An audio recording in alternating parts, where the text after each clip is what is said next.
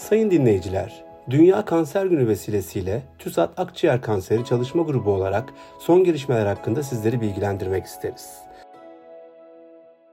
4 Şubat Dünya Kanser Günü ilk olarak 2005 yılında ülkemizin de yakın işbirliği içerisinde bulunduğu Uluslararası Kanser Kontrol Örgütü ve işbirliğindeki kuruluşlarla birlikte her yılın aynı günü küresel kampanyalarla insanların bilinç düzeyini arttırmak ve kansere ilişkin farkındalık oluşturmak için çeşitli etkinlikler düzenlemektedir. Bu etkinliklerle kanser konusunda eğitim düzeyini ve farkındalığı arttırarak her yıl milyonlarca önlenebilir ölümün önüne geçmek amaçlanmaktadır.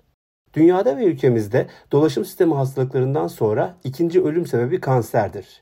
Dünya üzerinde 2020 yılında 19 milyon 292 bin kişiye kanser teşhisi konulurken 9 milyon 958 bin kişi kanser nedeniyle hayatını kaybetmiştir. Dünya genelinde akciğer kanseri kansere bağlı ölümlerin en sık nedenidir. 2020 yılında dünya genelinde akciğer kanseri insidansı 2.2 milyon vaka olarak bilinmektedir. Ayrıca 2020 yılında dünya genelinde akciğer kanserine bağlı ölümler 1.8 milyon olarak saptanmıştır. Akciğer kanseri, öksürük, nefes darlığı, göğüs ağrısı, kanlı balgam, yorgunluk, kilo kaybı, iştah kaybı, ses kısıklığı, tekrarlayan akciğer enfeksiyonları gibi belirtilerle kendini gösterebilir. Kanser için risk faktörleri belirlenmiştir.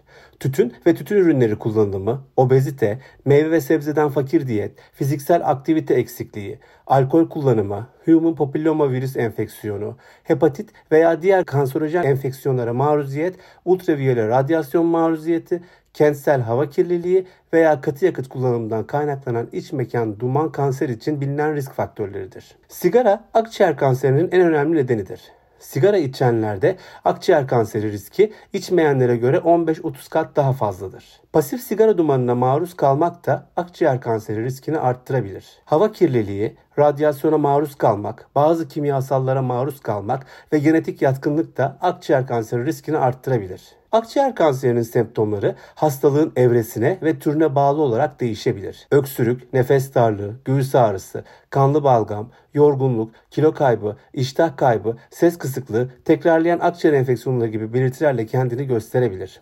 Akciğer kanseri tanısı radyolojik ve patolojik olarak konulur. Bu testler arasında röntgen, bilgisayarlı tomografi, manyetik rezonans görüntüleme, bronkoskopi, tomografi eşliğinde biyopsi yer alır.